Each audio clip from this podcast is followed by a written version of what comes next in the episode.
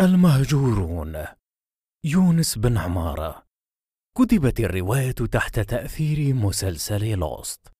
قراءة خالد الحراق.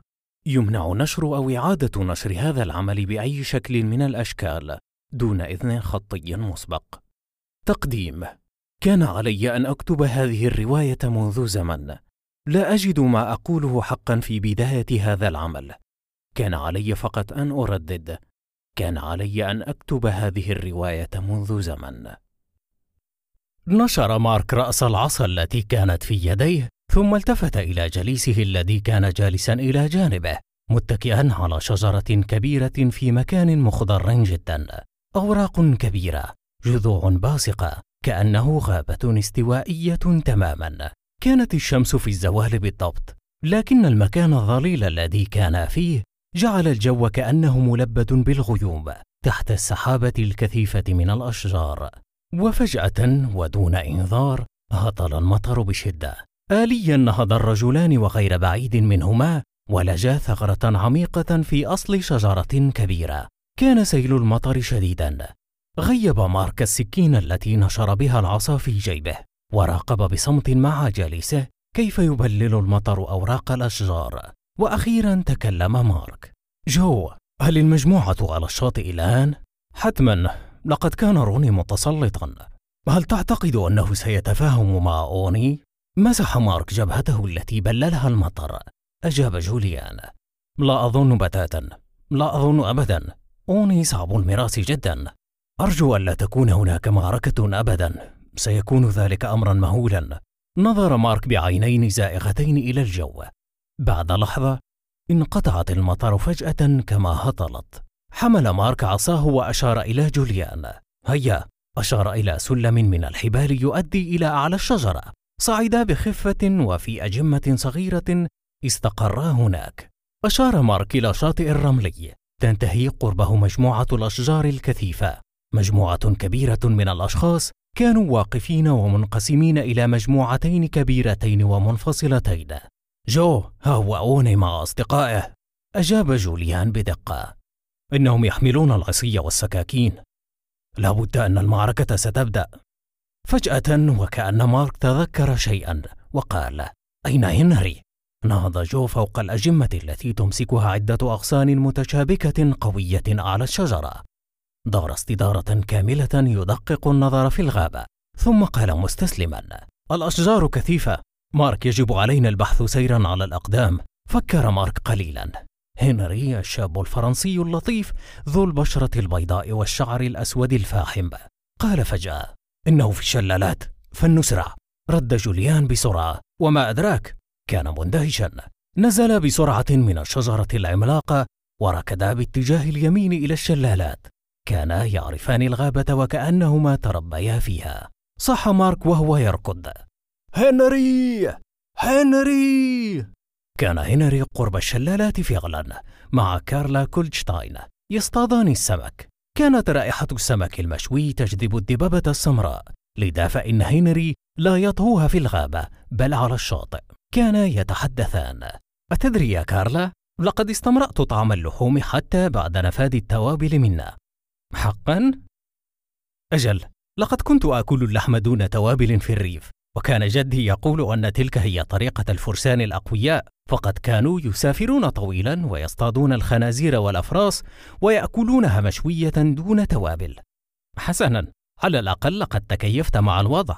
أما أنا فقد بحثت مرارا على مكان للملح فلم أجد. لقد اشتقت إلى مذاقه الخاص. وصل جوليان ومارك وهما يلهثان. هنري! صاح جوليان بصوت منقطع الأنفاس. التفت هنري وقد فهم مرادهما. رمى الشبكة واستدار نحو كارلا حمل عصاه ثم لبس حذاءه وبسرعة قال لكارلا التي بدا عليها الذهول هيا! لاحظ جوليان أن هنري قد اصطاد الكثير من الأسماك ولكن اضمحل هذا التفكير عندما خمن فيما يحدث على الشاطئ ولما كانت الشلالات لا تقع بعيدا قرب الشاطئ فإنهم مع ركضهم الشديد وصلوا في بداية الشجار. توقفوا! استمر القتال بالعصي والسكاكين بين رجال أوني ورجال روني لبضع ثوان ثم توقف أخيرا. تقدم هنري لأوني وقال كلمة واحدة. كفى! هنري أنت محايد. هؤلاء أفراد مجموعتك. صاح هنري معارضا. نحن كلنا مجموعة واحدة. استمع روني للحوار بهدوء ثم قال بغيظ. هنري استمع إلي. انسحب فورا. ثم لوح بعصاه في هذا الجو المتوتر. صاحت كارلا هذه همجية لسنا في قبائل بدائية. نحن متحضرون. سوف نناقش الأمر بهدوء وروية. الأمر ليس متروكا هكذا. الليلة الليلة سوف نعقد مجلسا. روني وأوني وهنري سوف نتناقش. سيأتي معنا كذلك ثيودور وجين. تذكر معظم الذين سمعوا كلامها. ثيودور الشاب الألماني القوي الأشقر. وجين زوجته الحمراء الشعر والبيضاء المشربة بحمرة خفيفة تقطع الأنفاس حسنا وبهاء. مسح أوني الدم من فيه وقال حسنا. وانسحب مع رجاله إلى ناحية بعيدة. صار أوني غير بعيد ثم قال بعد الغروب هنا على الشاطئ. أما ثيودور فكان يكمن مع زوجته ليصطاد حيوانا. كان كثيرا ما يمازحه أوني ويلقبه بهرقل. انصرف روني مع رجاله وبقي مع هنري أفراد قليلة. كانت هي أفراد مجموعته المحايدة. في ناحية أخرى من الغابة على الشاطئ الرملي كانت هنريا وجورجيا جنبا لجنب تستمعان لهدير البحر في مده وجزره. كانت هنريا تشذب أظافرها وكانت جورجيا تنظر بأسى عميق إلى الزبد الذي يذهب جفاء بوصوله إلى أوج المد ثم ذهابا بالانحسار. كانت ترى أن هذا خير مثيل على حياتها التعيسة. قالت فجأة هنريا هل تعرفين ما اسم هذا البحر؟ الباسيفيكي على ما أظن. هذه طريقة سجن حقيرة. أتراها جربوها علينا نحن أول مرة؟ لا أظن ذلك. أظن أن هذه الجزيرة أوهلت من قبل. استيقظ حب الفضول في نفس جورجيا فجأة. وكيف عرفت؟ لقد رأيت أول ما أتينا إلى هنا آثارا للنار. والنار كما يقول علماء الآثار دليل وجود الإنسان. اعترضت جورجيا بسذاجة. ولكن ألا تكون صاعقة؟ ثم أضافت بطيبة خاطر. أو شيئا من هذا القبيل؟ قالت هنريا ببساطة مجردة من أي عواطف. ربما هذا مصدر النار. أما أن تقطع الصواعق الأغصان بشكل متساو وترتبها في حفرة وتحرقها فهذا لا يمكن عزيزة جورجي. تذكرت جورجيا الآن بالضبط كيف جلبوهم إلى هنا. سجراء إلى الأبد عبر الطائرات العمودية في أقفاص كبيرة مغلقة كالحيوانات المتوحشة تماما ووضعوهم في هذه الجزيرة الموحشة والمهجورة. يبدو أنها بعيدة جدا على أي يابسة أخرى. بلى بعد كبير إلى درجة أنهم مطمئنون من ناحية رجوعنا إلى بلداننا. أخذت هنريا غرفة تراب مبتلة وسحقته بين أصابعها. تبا الأوغاد آه لو عدنا سأقتل الشرطي الحقير. وعاد فورا شريط ذكرياتها إلى عقلها متى أمسكت في جريمة قتل زوجها. قال القاضي بصوت هادئ. حكمت المحكمة بتاريخ الثامن من نيسان ألف واو على المدعوة جورجيا إستورياس بالسجن إلى الأبد. عفوا مدى الحياة مع الأشغال الشاقة بتهمة قتل زوجها التي أثبتت إدانتها بها. ثم تذكرت كيف اقتادتها الشرطة إلى الزنزانة المنفردة حين كتبت أول رسالة إلى ابن خالها الشخص الوحيد المتبقي من عائلتها. أول يوم في السجن. هذا هو آخر عهدي بنور الحرية. الحرية التي حرمني منها زوجي مدة زواجنا أو إن شئت قلت مدة أسري. ثم وبعد أن قتلته حرمني منها بعد وفاته. لا أظن أن القدر مسؤول عما سيجري علي. أنا التي أخذت السكين وقتلته. بهذه العبارات تكون جورجيا إستورياس كفيلسوفة مجرمة تشرح قضايا القدر والاختيار والقضاء. تذكرت جورجيا ذلك في غمرة تأملها لهدير البحر. ثم قالت هؤلاء القانونيون أكرههم أكرههم جميعا. المحامون القضاة قالت هنريا بلطف وخاصة الشرطة سأقتل الشرطي مايكل إن وجدته مرة أخرى. فكرت جورجيا قليلا ثم قالت لا أظن أننا سوف نتمكن من الخروج من هنا. ثم سبحت بفكرها في الأفق حيث الشمس بدأت في الغروب. عدة نيران حول الشاطئ الرملي اشتعلت. كانت خمسة نيران بالضبط وكان المجلس الموعد قد عقد بين القادة فقط.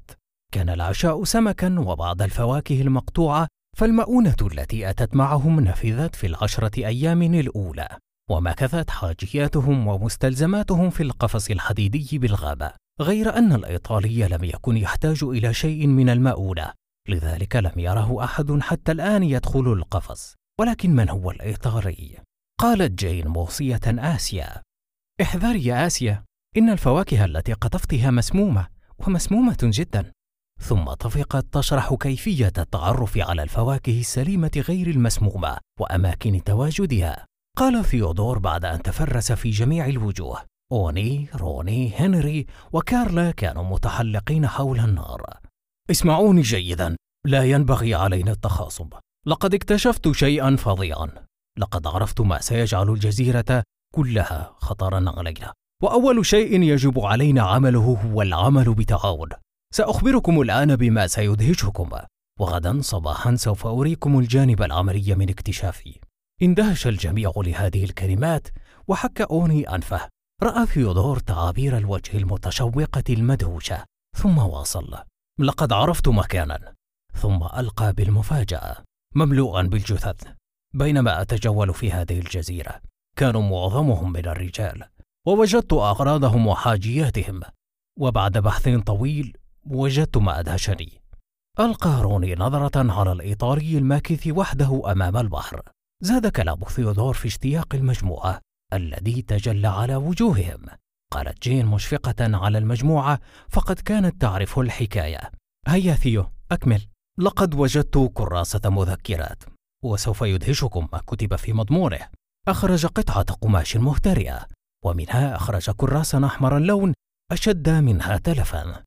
ذكر أوني بالفاتنة جين فرفع بصره وشاهدها بمحبة قرأ ثيودور أول الكلمات.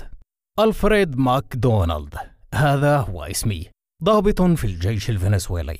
هذه أول مهمة لي. أصغى المجموعة وكأن على رؤوسها الطير. بينما المتحلقون حول النيران الأخرى اتخذوا ألعابا مختلفة يتسلون بها بين شطرنج وداما وورق. وكان حديثهم يبلغ أسماع المجموعة ولكنهم كانوا لا يأبهون.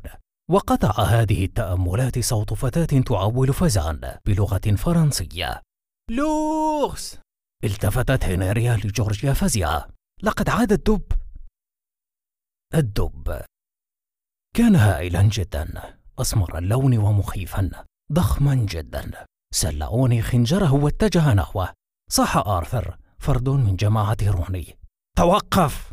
ونهض حاملا شعلة من النار. ونهض أربع رجال بعصيهم يرافقون أوني وآرثر. اقتربوا من الدب.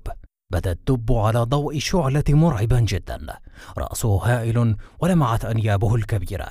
لوح أوني بالشعلة فتراجع الدب مدمدما. ثم وبصيحة مرعبة. سمعت جلبة في الغابة. لوح أوني بالشعلة ثانية وقربها من الدب. مد الدب قائمته لكي ينال منها فاحترقت. صاح الدب متألبا وقد أضحى شرسا للغاية. تراجع أوني ورجاله إلى الماء وتعرقل ثم سقط في الماء وسقط الدب وراءه. بعد عدة مناوشات هائلة تحلق كل المهجورين حول الشاطئ. حال لون البحر إلى اللون الأحمر. ضربه الرجال بشدة بالعصي والسكاكين. وبعد مدة طفت جثة الدب الهائلة على الماء. هتفت المجموعة فرحا وقام أوني يتهادى كان متعبا جدا ولكن كان رجل من بينهم قد قتل. جسه هنري ثم قال بأسف. لقد قضي.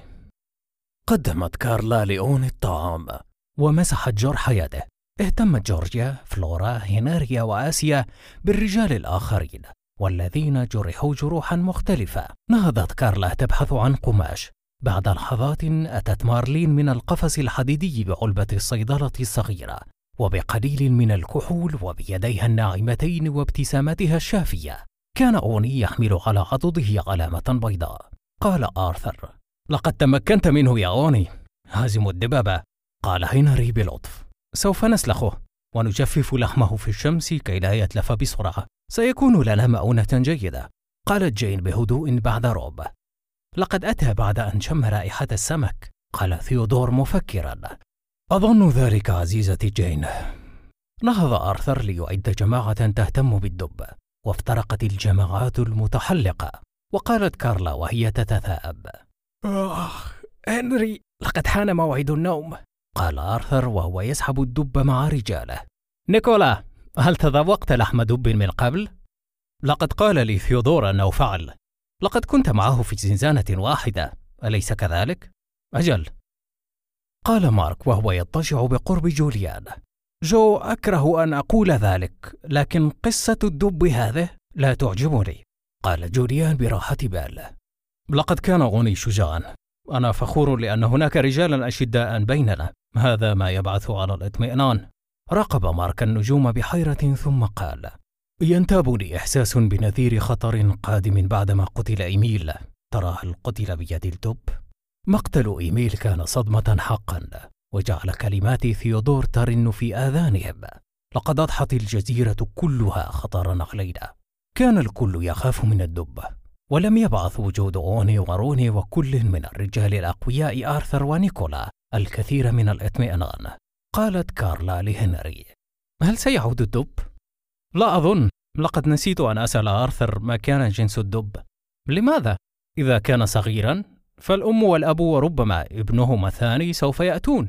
ليأخذوا ثأر فقيدهم. تفاجأت كارلا وقالت ذلك الحجم الهائل؟ دب صغير؟ لا يتعدى السنتين حتى. لقد رأيت رأسه مرميا وعددت أسنانه. لا يفوق ثلاث سنوات على أكثر تقدير. الدفتر الأحمر.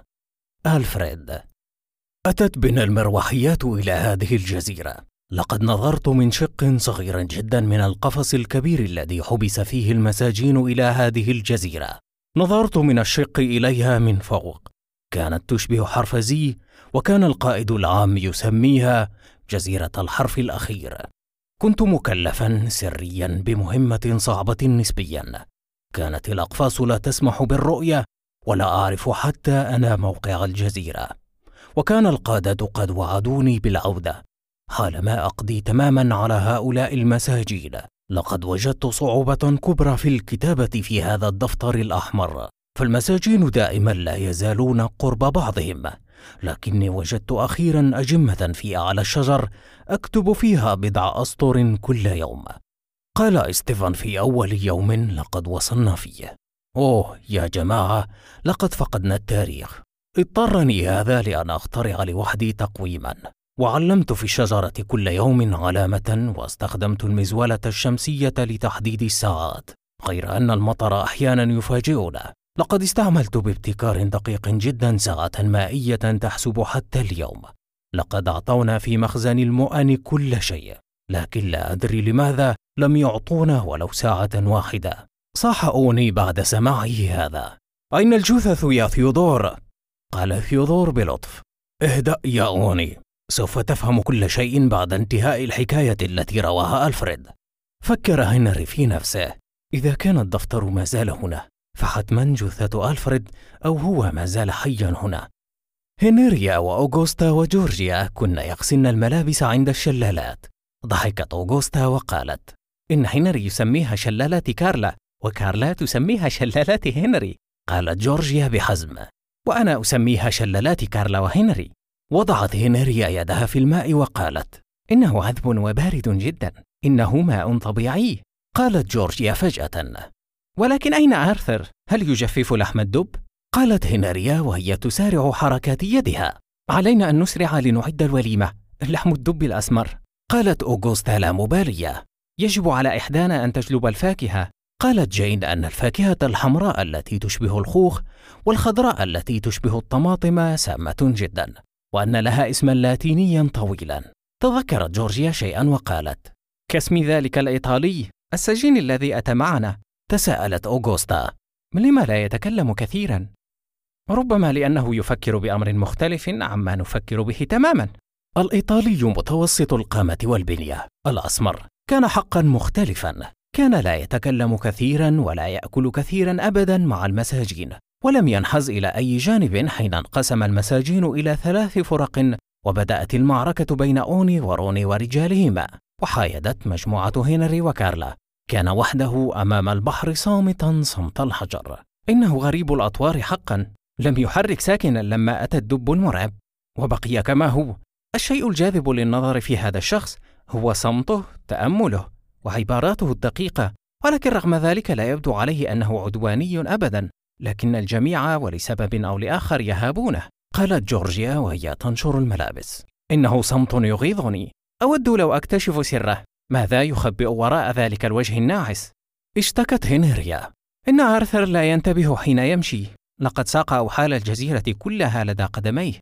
أتمت أوغوستا نشر حصتها وقالت للفتاتين. أسرعا. الغروب آت والغابة موحشة. كان آرثر قد أعد شرائح اللحم.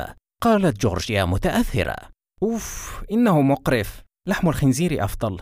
قال آرثر ضاحكا. كلي يا ليدي كلي. لا يوجد إلا الدببة هنا. كان الإيطالي كعادته جالسا أمام البحر ولكن الذي لم يكن كعادته هو هنري. إذ كان يجلس بجانبه. قال الإيطالي بلهجة خافتة وحازمة جدا. إذا أنت تشلافي؟ نحن نشك في كل فرد منا إلا أنك قال الإيطالي. أنا أقول أنني لست المقصود سيد هنري. أنا لست غريب الأطوار أيضا لكنك لا تعرفني. نهض هنري وقال بمرح مفاجئ. حسنا لا بأس سيد غارسيا. لا بأس سيد غارسيا. أن تكتم هذا الأمر إلى حين. سوف نبحث بأنفسنا عمن يكون هذا الكائن. في الغد صباحا. خرج هنري ثيودور مارك وجوليان جين وكارلا أوني وروني إلى المكان الذي قال عنه ثيودور أنه مملوء بالجثث. كانت الجثث مدفونة مبعثرة ولكن الملفت للنظر وجود عدد كبير منها ووجود قبور منها معلمة بقطع قماش حمراء وبالقرب منها كان الإيطالي. ها هم سيد أوني! راقب أوني هذه المجزرة بعين متأثرة. وإن كان من قبل مجرما فتاكا لقد استيقظت مشاعره فجأة. ولكن من الفاعل؟ ظهر الإيطالي أخيرا وكشف عن نفسه. قال بصوت منخفض. عذرا سادتي. هنا شاهدته جين وكارلا بعينين مندهشتين للغاية. لكن سأشرح لكم كل شيء. هنا استطار غضب أوني وتقدم من الإيطالي ليسدد لكمة لوجهه. يصدها الإيطالي بيد واحدة يلوي بها ذراع أوني ويضربه بقدمه على أم رأسه فيسقطه بلا حراك. أكمل الإيطالي وكأنه لم يحدث شيء. لقد بدا لي أن السيد هنري ذكي نوعا ما. كان روني مستعدا. أما هنري فكان يعرف أنه لن يواجهه إذا لم يسبب له الأذى. أشار الإيطالي إلى ناحية وقال من هنا. تقدمت المجموعة إليه وصعد عبر سلم من الحبال والأخشاب إلى الأجمة. كان في أجمته دب مسلوخ ومقطع إربا. لم يعد روني يفكر في كيف قتل الدب بل كيف صعد بهذا الوزن الهائل إلى فوق. أشار لهم الإيطالي من فوق. انظروا ماذا كتب بالقبور. كتب ألفريد ماكدونالد. وماذا كتب بالقبور المعلمة بالقماش الأحمر فقط؟ إنها كلمة الموت. قال روني بشدة مخاطبا الإيطالي. ماذا يعني هذا؟ يعني أن بيننا خائنا. إن الدفتر الذي لدى هنري ليس كاملا. وأخرج الإيطالي عدة أوراق من جيبه. سأقرأ وسوف تفهمون كل شيء. لقد فهمه هنري قبلكم لكنه كان ذكيا حقا. لقد كانت مهمتي سيئة سيئة للغاية. لقد كان المساجين مغفلين وسرعان ما دب الشقاق بينهم بفعل وشايتي وتحريضي على بعضهم. إن النمام عمله سهل جدا. لقد نفذ مخزون نبيذ الكونياك لدي وهذا ما جر إلى معركة مهولة. ثم وبخط مغاير كتب. لقد مات ستيفن وقتل معظم رجاله ورجال غريمه إليفن ودس السم لبعض أفراد من الجنس اللطيف. سأبقى هنا في الجزيرة ويأتي الجنود ليأخذوني. بدت العبارة الأخيرة لكارلا كعبارة فرعونية أو من حضارة المايا. نقشت على حجر قديم. الحقير! صاح روني واصل الإيطالي القراءة للتفاصيل.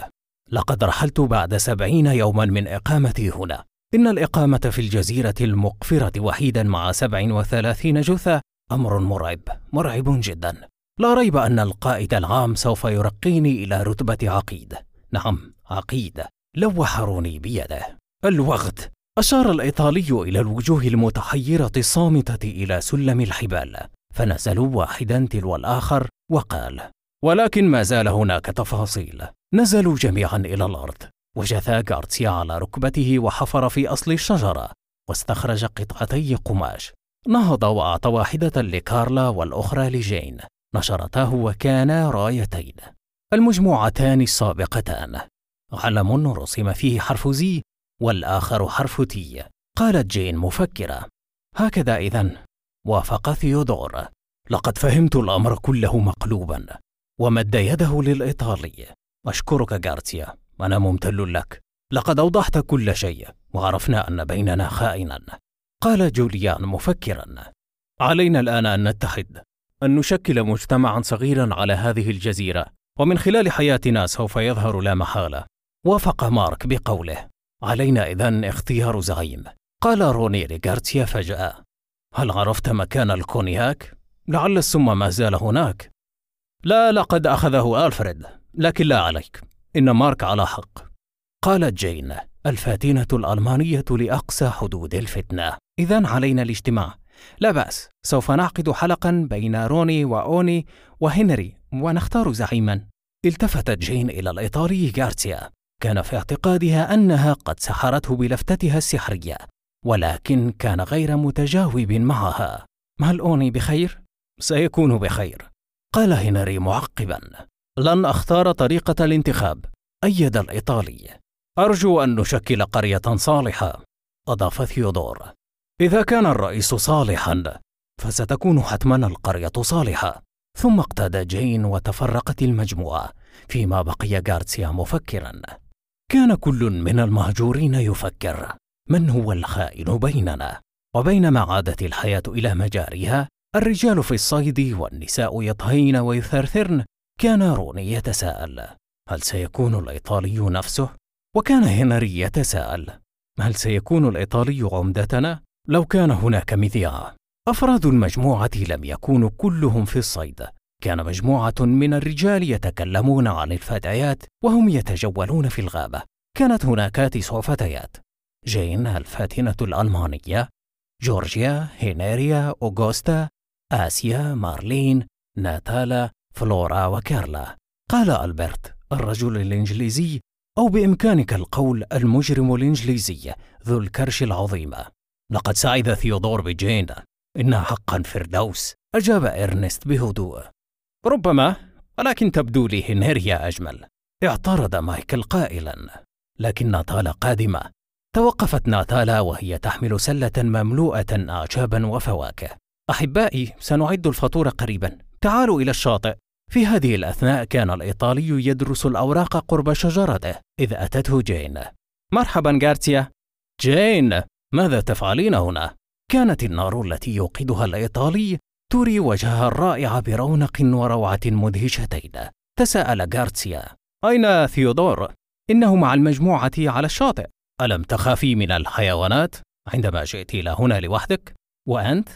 لم يفهم غارسيا معنى قولها هذا إلا أنها جلست قبالته على النار وقالت بلطف غير متكلف هل تخمن في من سيكون عمدتنا؟ لا ولكن أعرف من هو لدي ملاحظة بسيطة هي أعرف أن هنري ذكي ولكن أتسمون في ألمانيا حاكم القرية عمدة؟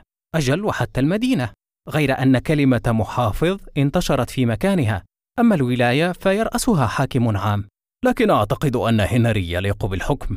فطالما حكم ملوك باسم هنري قالت جين بحزم. لكننا لا نريد ملكا غارسيا. لقد اختارت المجموعة وما عليك إلا الرضوخ لرأي الأغلبية. اقترب منها وحاول لمس خصلتها المتناثرة فيما تراجعت قليلا وقد احمرت وجنتاها قليلا هل أعتبر هذا تهديدا؟ هل تخافين من عدم موافقتي أن تصبحي عمدة؟ أنا؟ قالتها جين بهدوء ثم تنفست بعمق كأنها ألقت حملا ثقيلا صوب غارسيا فيها النظر ثم قال هل الجميع يعرف بهذا؟ أجل والكل موافقون وبقي أنت فقط إذا شرف عظيم عزيزتي الليدي أن أستقبل السيدة العمدة هنا وبمنزل المتواضع قالت جين بفرح وهي تقترب منه أكثر. ربما ستصبح زيارتي لك في الأيام المقبلة شرفا عظيما. هنا خرج لنور النار التي يقودها غارسيا أفراد المجموعة. أوني روني. تحسس غارسيا خنجره وقال من هؤلاء؟ قالت جين بكبرياء. هؤلاء الحرس الجمهوري. كنت تخافين على نفسك إذا؟ قالت جين بغرور. من يصبح عمدة؟ يكون الاحتياط له واجبا. ثم نهضت وقالت والآن سيد غارسيا وداعا. ثم انحنت عليه لتقبله قبلة وهربت مسرعة لتختفي في الظلام. كانت حرارة خدها ما زالت مطبوعة في قلب غارسيا وداعا حضرة العمدة. بعد ذهاب ثلاثة سمع غارسيا صياحا وهجزا ورقصا إنه الاحتفال بالاتحاد. وعاد غارسيا بناظريه إلى الأوراق المهترئة أمامه. إذا بقي جيلنا الثاني والذي بعده في هذه الجزيرة فسوف يدافعون عن سلالة جين لتكون هي دائما الحاكمة. كما قال الحكيم بلوتوس البشر هم البشر أينما كانوا. ولكن يا بول امرأة؟ بل قل فتاة جميلة. زد على ذلك. ألم تحكم من قبل سيدات؟ كاترين الكبيرة روسيا ومعظم الملوك كانوا في الحقيقة دمى بأيدي النساء. إذا لا بأس يا بول الفتاة تحكم خيرا من الرجل. هل تظن ذلك؟ لا أظن أنا أعتقد فقط وأتيقن. جين ذكية طبيبة ومثقفة لدرجة كبيرة وجميلة تبارك الله أحسن الخالقين. قالت ناتالا بفرح غامر. لنحتفل باليوم السعيد قالت كارلا التي تجيد الألمانية. der Tag ist schön der Tag ist Feste اليوم رائع. اليوم عيد. وافقتها فلورا بسعادة. أجل هيا آرثر. أين عصير التوت الذي جنيته وجعلته يتخمر؟ قدم آرثر نصف حبة جوز مملوءة بسائل أحمر لكلارا واحتست شربتين ثم قالت إنه غير مسكر. ثم أضافت لكن لا بأس به. وبينما الجميع يتحفل قرب الشاطئ. كانت أوغوستا تشق طريقها للإيطالي حاملة عصير التوت إليه. مرحبا غارسيا أوغوستا ما الذي أتى بك إلى هنا؟ لقد أتيت لأقدم لك عصير التوت ولأجلس معك قليلا. أمسك غارسيا الجوزة وقالت بلطف. آسفة لا تنزعج لا توجد لدينا كؤوس. أومأ غارسيا لها أن تنتظر ثم صعد إلى أجمته وبعد مدة قصيرة عاد بقارورة مملوءة بسائل أبيض كالحليب. صب غارسيا لأوغوستا كأسا ثم قال تذوقيه إنه عصير طبيعي صنعته بنفسي. كان طعمه رائعا جدا. لا يضاهي أي عصير صناعي أو طبيعي آخر. مم جيد. وطيب. إنه رائع. ist schön كما تقول جين. وماذا كنت لتقولي أنت؟ رنا إليها غارسيا وهو يبتسم. سأقول it is wonderful أو it is fantastic. إنه خلاصة فواكه المانجو مع حليب جوز الهند وبشيء من اللمسات السحرية طبعا. وضعت أوغوستا الجوزة ثم قالت بلطف غير متكلف لقد جئت لأسألك عن اسمك. اندهش غارسيا حقا من هذا السؤال ولم يعرف بما يجيب. أنت تعرفينه؟ أقصد عزيزي غارسيا الاسم الكامل. آه. ابتسم غارسيا ثم قال كأنه يدعو متهما في المحكمة. غارسيا ألكسيس سانجون بيرس إي سالفاتوري. أوه جميل. أتدري؟ أنا أحب هذه الأسماء. قال غارسيا فجأة. وأنت؟ أوغوستا ماذا؟ أوغوستا بيوهرنسون أمريكية؟ أجل لقب بيوهرنسون أمريكي إنجليزي. التعاون. الليلة بدت جين رائعة. في غمرة الاحتفال بهذه العمدة الجميلة. ألبستها أوغوستا تاجا من الزهور على رأسها وقبلتها. سيدتي العمدة لن نتقاتل. سوف نعيش بسلام دوما. فكر هنري بقلق. ليس وذلك الخائن بيننا. التفت روني لأوني وقال ما أجملها في هذه الهيئة؟ نظر غارسيا إلى النجوم التي بدأت تتلألأ في السماء الحالمة وقال لقد تم لي الأمر. بعد معرفة قصة الخائن ألفريد ماكدونالد الذي أضحى إبليس نفسه على الوجود فالجزيرة التي تضم هؤلاء المهجورين أصبحت أرضهم. هنري وجين أبواهما الروحيان كآدم وحواء وغارسيا الحكيم والباقي المجتمع بما فيه الحاكم والمحكوم وغيره. ويجسد الشيطان اللعين شخصية الخائن المتربص بينهم. بدأت الوحدة تترسخ بين أفراد المجموعة وبدأ آرثر مع مجموعته وأوني وروني بناء المنازل الخشبية. قال إرنست لسنا عائدين أبدا فلنستقر هنا. ولماذا نعود؟ إن العالم هو المجرم بوضعنا هنا ولسنا نحن المجرمين. فلنعزل المجرمين إذا. إننا لسنا مهجورين. إن إرنست كان يهدف أن يبعد هذه الفكرة لا أكثر.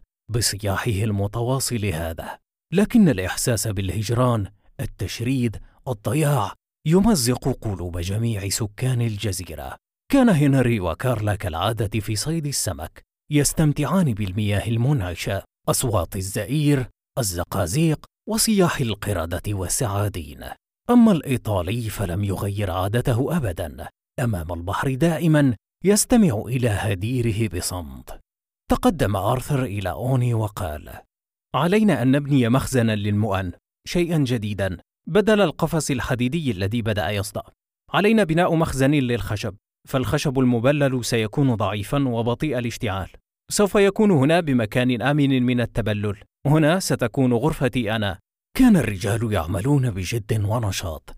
كان كل شيء تقريبا بالسكاكين. فالمجرمون عادة لا يحملون إلا السكاكين. ولكن أوغوستا وجدت قرب المقبرة المكان الذي وجد فيه ثيودور الجثث عدة أسلحة بيضاء ضخمة بطول المتر والمتر والنصف أعانت المجموعة على قطع الأشجار. كانت المطر من حين إلى حين تمطر وتتوقف فجأة فهذه الجزيرة ولا ريب على الخط الاستوائي تماما. اقتربت ناتالا من غارسيا وقالت له وهي تراقب بعين البحر. وبالأخرى غارسيا. لقد أصبحنا بدائيين. سوف نعيش هنا طويلا. سوف يكون الجيل الثاني منا بدائيا تماما. الجيل الثاني؟ احمرت وجنتا ناتالا قليلا وقالت. طبعا علينا أن نأمل أننا سنعود.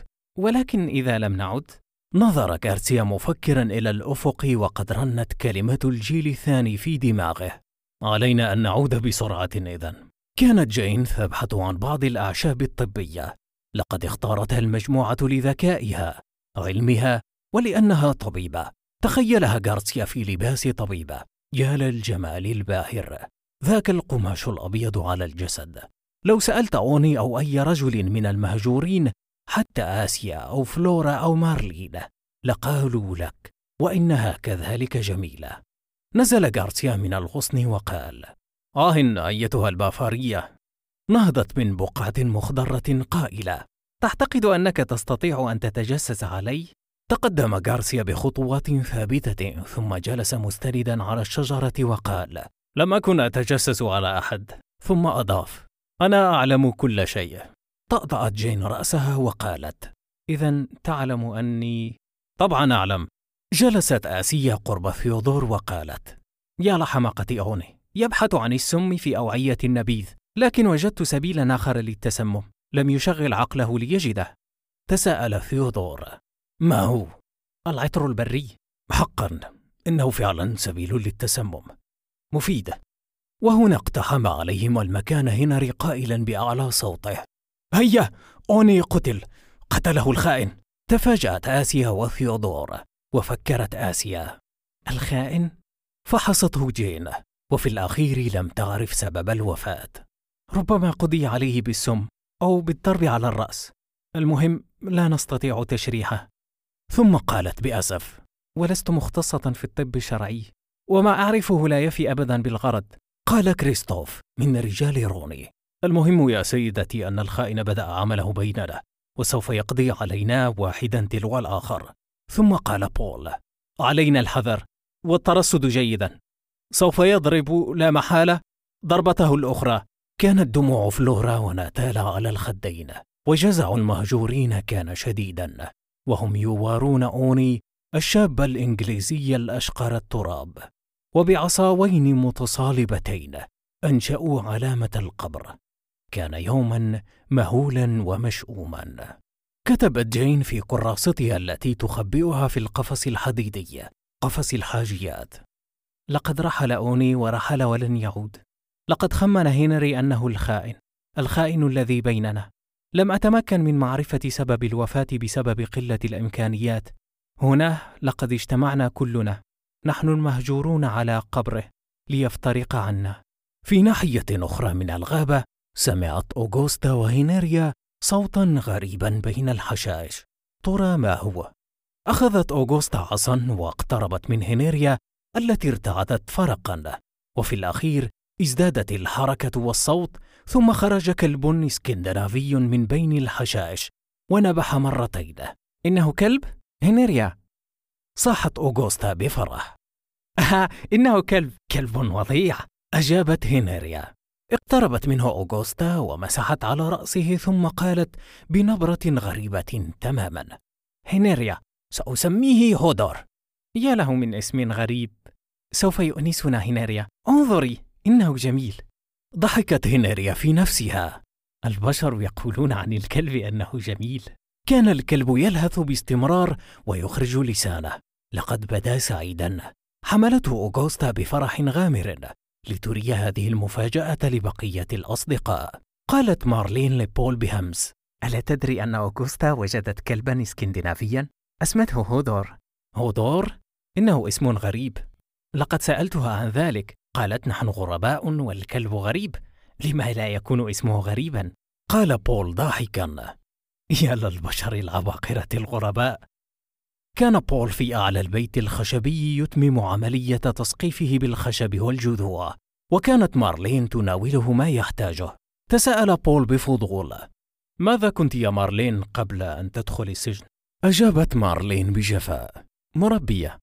في حضانة أطفال ضحك بول وقال ممازحا لابد أنك قتلت طفلا. لا لكني قتلت أمه. تلك الفاجرة. لكن المتضرر سوف يكون الزوج والابن على ما أعتقد. ضحكت مارلين وهي تناوله خشبة. متضرر؟ ها؟ إنها فاجرة. ألا تعرف معنى فاجرة؟ ليس لها زوج وابنها غير شرعي. صمتت فجأة ثم أضافت وأنت أيها المحلل النفسي. ربط بول الخشبة بإحكام على السقف ثم وبواسطة سلم الحبال نزل إلى الأرض واقترب من قارورة الماء شرب كثيرا ثم جلس. أنا كانت مارلين قد جلست بقربه الشمس كانت ربيعية والجو منعش في هذه الخضرة الدائمة. لقد كنت عاملا بسيطا بناء في شركة إيطالية للبناء. كنت أبا صالحا غير أن حماتي التي قتلت فلذات كبدي ونجت أرسلتها للجحيم. وهل أنت متأكد من أنها هي القاتلة؟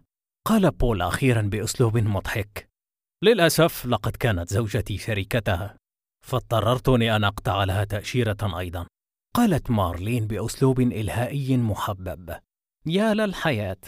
كان أكبر متضرر من موت أوني أوغوستا. كان ضررها النفسي بالغا للغاية.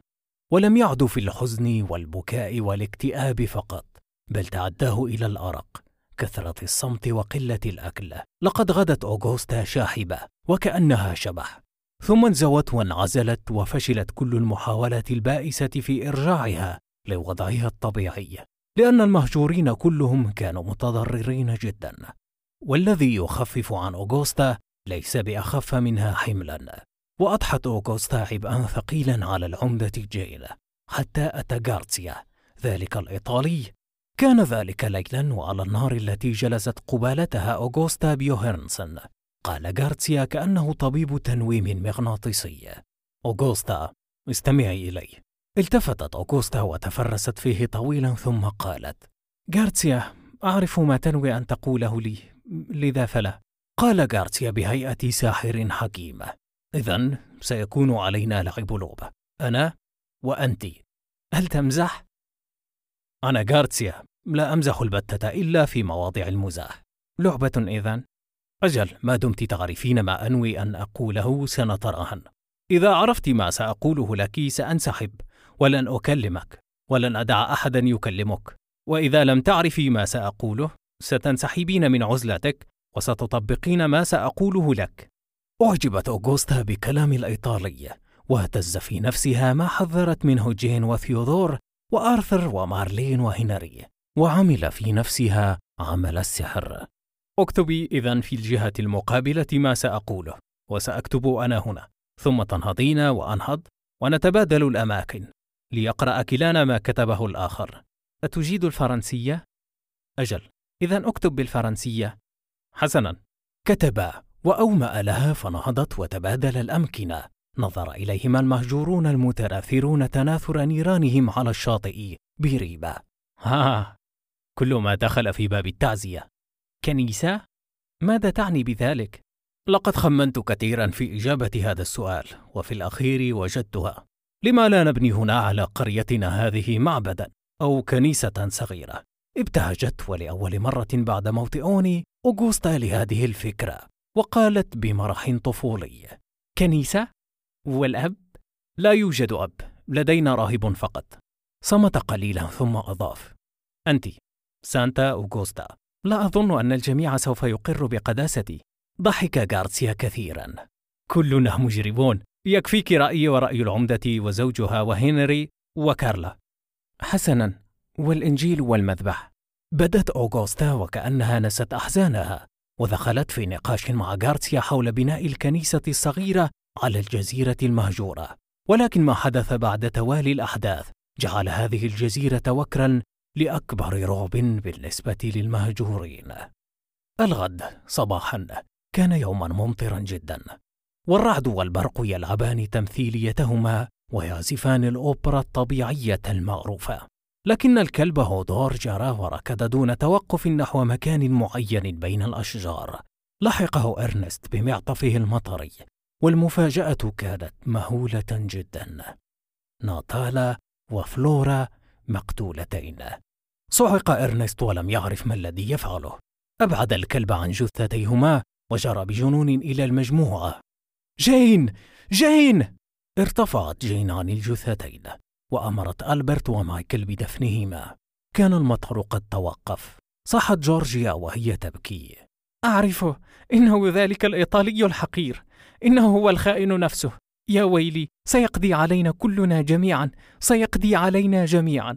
كانت جين تقوم على تمريض أوغوستا حين أتاها غارسيا وقال أوغوستا هل تخليت عن فكرتك؟ يجب عليك أن تصبحي قوية وخاصة في هذه الأوضاع. أعرف أن الصدمة كانت شديدة لكن الغد صباحا بمشيئة الله. سوف أمر إرنست ومايكل بالبناء. أومأ لجين فقالت أجل أوغوستا إن غارسيا على حق. قالت أوغوستا بصوت متعب حسنا ابن الهيكل العام وأما الداخل فسوف أشرف عليه أنا. الإنجيل وجدته غارسيا؟ أجل لقد جلبت معي واحدا لما اقتادونا إلى هنا. أنا أحب قراءة الكتب عامة والإنجيل خصوصا. ضحكت أوغوستا وقالت بهزء مرير ربما سوف أحضر جنائزا كثيرة هنا. كانت جين على قدر المسؤولية. تساند المهجورين تسعف المرضى. تشرف على الغداء والعشاء. وحرمت مؤخرا على هنري نبيذ التوت المطبوخ والبائت والذي أدمنت عليه بعد موت أوني. واهتمت بتكوين صيدلية صغيرة استعاضت فيها عن المعقمات بالماء المقطر الذي تصنعه بجهاز بسيط عملي. كان روني يكاد يكون مجنونا وقال في نفسه إذا كان هذا الوضيع هو الخائن حقا فسوف تكون نهايته بيدي. سوف أراقبه. ومن الغد لن يكون هناك قتلى. مسحت كارلا دموعها وتفاجأ هنري بالخبر ثم تساءل بكآبة حارة. هل دفنتموهما بجانب أوني؟ سوف يقوم آرثر ورجاله بهذا. لقد أمرت جين ألبرت ومايكل. أنا أعتقد يا هنري أن غارتسيا هو الفاعل. قال هنري بتأكيد. لا ليس هو. إنه مجهول آخر. وكيف عرفت أنه ليس هو؟ لقد راقبته طوال الأيام الماضية. لقد كان على حق. لم يقتل أحدا. وعلينا الآن أن نراقب روني. فهو المستهدف على ما أظن في الضربة الموالية. المؤامرة. نظر غارسيا بهدوء شديد إلى وجهي جين وهنري ثم قال: لقد عرفت من قتل أوني. رد هنري بسرعة: وهل هو قاتل ناتالا وفلورا؟ لا، ولا أعرف قاتلهما، إنما قاتل أوني. استغل فرصة الدب لقتل إيميل وهو نيكولا. وكيف عرفت؟ لقد همس لأوني قبل مقتله بهذا، وكنت أنا شاهدا يوم قتل أوني. نيكولا؟ ولكن لماذا؟ لقد كانا على خصومة منذ كانا في السجن. لقد عوقب بالزنزانة الانفرادية لأعماله المشاغبة استمعت جين طوال الحوار بصبر ثم قالت والحل بيديك جين ولكن أنصحك بإعدام نيكولا وفورا قال هنري ولكن لا ليست هذه طريقة. قالت جين بصوت حاد. غارسيا افعل. نهض غارسيا وقال بصوت مطمئن. حسنا لم تفد احتجاجات هنري شيئا. ولعل قصار المحاكمة يعود إلى أن الحوار دار بين مجموعة مجرمين. لا يعرفون إلا لغة الدم. أجابت جين هنري طوال احتجاجاته. إنه قاتل يا هنري قاتل! وهل تأخذي بأقوال الإيطالي فقط؟ إنه صادق. صادق تماما يا هنري. لقد أخبرني ثيودور بذلك أيضا. صمت هنري مندهشا ثم قال إذا نيكولا حقا؟ قالت جين بصوت منخفض.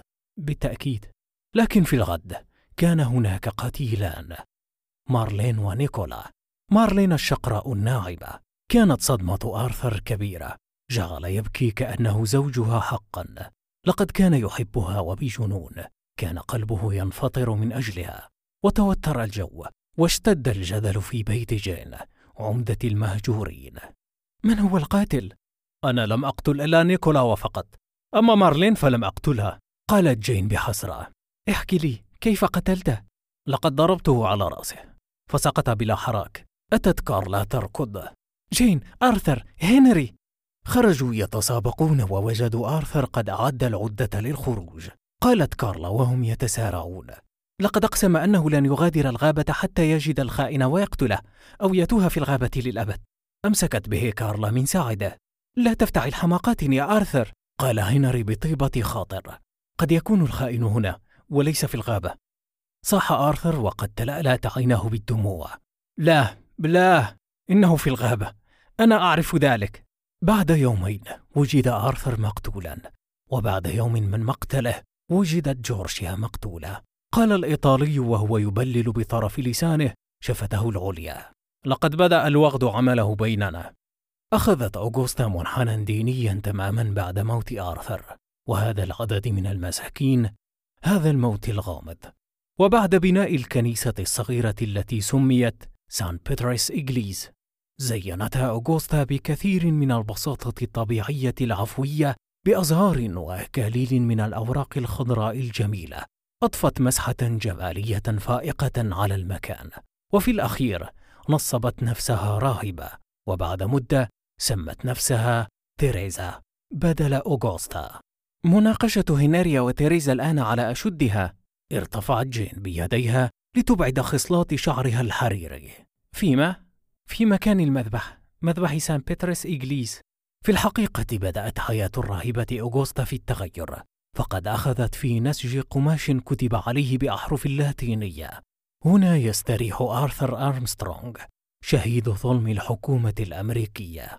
وكذلك هنا يستريح أوني هنا تستريح جورجيا إستورياس ثم وسرا صنعت لكل منها ولهنري وجين واحدة واحدة تحسبا لموت أي منهم. كانت الراهبة أوغوستا تنسج قميصا حين أتى ثيودور مسرعا. أختي تيريزا إنها جين ستلد لم تكن جين ظاهرة الحمل كثيرا غير أن الأفراد القليلين الذين بقوا كانوا كلهم يعرفون بحملها. كان ذلك في الأشهر المتأخرة. أما غارسيا فمن الشهر الأول كان يعلم. ولد الولد أوني. وماتت للأسف الشديد الفاتنة الألمانية جين. وقام الإيطالي بتعزية ثيودور وتهنئته. وأتمم ما كتبته جين في كراستها حياة غريبة جدا جدا. ولد أوني من جديد ليحيى ولتموت جين. لا أعرف هل أعزي أم أهنئ ثيودور. لكن ثيودور وجد مقتولا في المساء وكذلك روني. لم يبكي الإيطالي يوما أكثر منه اليوم لما ماتت جين. لقد زاد في بكائه كتابات جين. شابة في مقتبل عمرها تموت. كانت حكيمة وصالحة وذات حكم رشيد. لا أعرف لماذا نبقى هنا في هذه الجزيرة الفظيعة. أريد أن أعود أن أعود إلى وطني. كتب في زمن متأخر في إحدى هوامش الكراسات التي اقتبست منها هذه القصة. كان الخائن هو الدب وهو الذي قتل ألفريد لما أتى الجنود ليأخذوه فتركوه وكراسته. كانت الجزيرة ملعونة لعنة الدب. من يقتل الدب؟ يقتل ثم ذكرت بعض الكراسات أن القاتل كان هنري وذكرت بعضها أنه غارسيا الحياة السابقة لجين لم تكن حياتي مفيدة لأحد، لكن أمي منذ صغري علمتني كتابة مذكراتي، وقالت أنها مفيدة، لأنه عندما يعدم الصديق، ستكون هي نعم الصديق. قالت ابنة عمي مارثا بمرح: وربما ستفيد محققي الشركة عند مقتلك. هذا ما كتبته جين في آخر صفحة من صفحات مذكراتها. ولكي نعرف الحياة السابقة لجين بمنظار أفضل، فإن علينا أن نقرأ ما كتبه عاشقها ليوناردو إيكابيتشي. حبيبتي جين، إن جلستنا البارحة والتي دار حديثنا فيها عن الحب غير مجدية تماما لإرواء غليلي منك. أريد فعليا أن أتزوجك. لقد قمت بالتحريات عنك عمدا وقصدا. جين برينيت، اسمك الحقيقي ماري جين. اسم جميل على كل حال. وكلما أذكره أتذكر الفراشة الجميلة المسماة باللاتينية بارناسيوس أبولو وبارناس تعني جبل بارناس الذي يوجد فيه الإله اليوناني أبولون والسبع جنيات والذي إذا اجتازه أحد من الأدباء لأن أبولون إله الحكمة والعلوم والفنون اليوناني بعد مصاعب شتى تربع مع أبولون في عرشه. ولذا يقال عبر جبل البارناس أنا أحبك يا جين منذ رأيتك في المعهد السامي للفنون كوبنهاجن وكنت وأنا الرسام المبتدئ. مثالي الأعلى. سوف تتذكريني فورا. ما حدث في الصف لما رسمت أسطورتك الرائعة المسمى أخيرا؟ رغم أنه جيد الرسم إلا أنه يحوي موهبة أدبية رائعة. لقد بعثت لك يومها رسالة أنصحك فيها ببدء كتابة القصص. فابعث لي هذه الرسالة التي أكتبها هنا. آه يا ليوناردو. إني أمزح معك لما أقول لك أحيانا أنك تضايقني لكني سوف أقول لك الحقيقة اليوم أنك تعجبني عندما نصحتني بالكتابة. لقد بعث إلي الأستاذ برسالة ونصحني أيضا بالكتابة وبالفعل لقد بدأت الآن في كتابة قصة رومانسية جميلة. لقد كانت جين إذا رسامة فتاة ابنة تاجر هولندي وأم ألمانية. بعد تخرجها درست علم النفس وأصبحت ممرضة في المستشفى. كتب ليوناردو. آه يا جين ما أحلاك في لباس الممرضة بعد سنة تقدم ليوناردو لخطبة جين. وفي السابع من نيسان تزوجا وبعد شهرين تماما مات ليوناردو العزيز. رسائل إلى ديكا بيتشي على هذه الرسائل وجدت ملاحظة غريبة. إن المرأة الغربية غبية حقا غبية جدا. عندما يموت أحد أحبائها تكتب له كأنها تصلي له إنها تجعله إلها. عبد الغفور سمعان. ثم نقرأ هذه الرسائل. آه يا ليوناردو ارحم لوعتي وبكائي طوال الليالي. آه يا حبيبي. تركتني سقيمة وأرملة بعدك مسكينة وفقيدة حبك. آه يا زوجي العزيز لقد رحلت. لم نتمتع بحبنا بعد. لم يكن للقدر أن يحرمنا هكذا وبهذه الطريقة.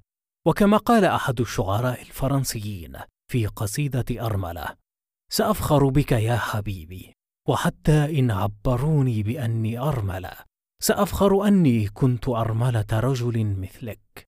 ثم نقرأ الكثير من الرسائل بهذه اللهجة وبعد زمن بعد سنتين ظهر ثيودور في حياة جين.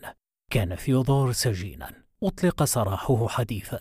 ثم وبعد جريمة قتل اتهما وسجنا معا. جين في سجن النساء وثيودور في سجن الرجال. ثم وبغرابة تامة وصلوا إلى هنا. في هذه الجزيرة الموحشة والمخفية جدا. النهاية.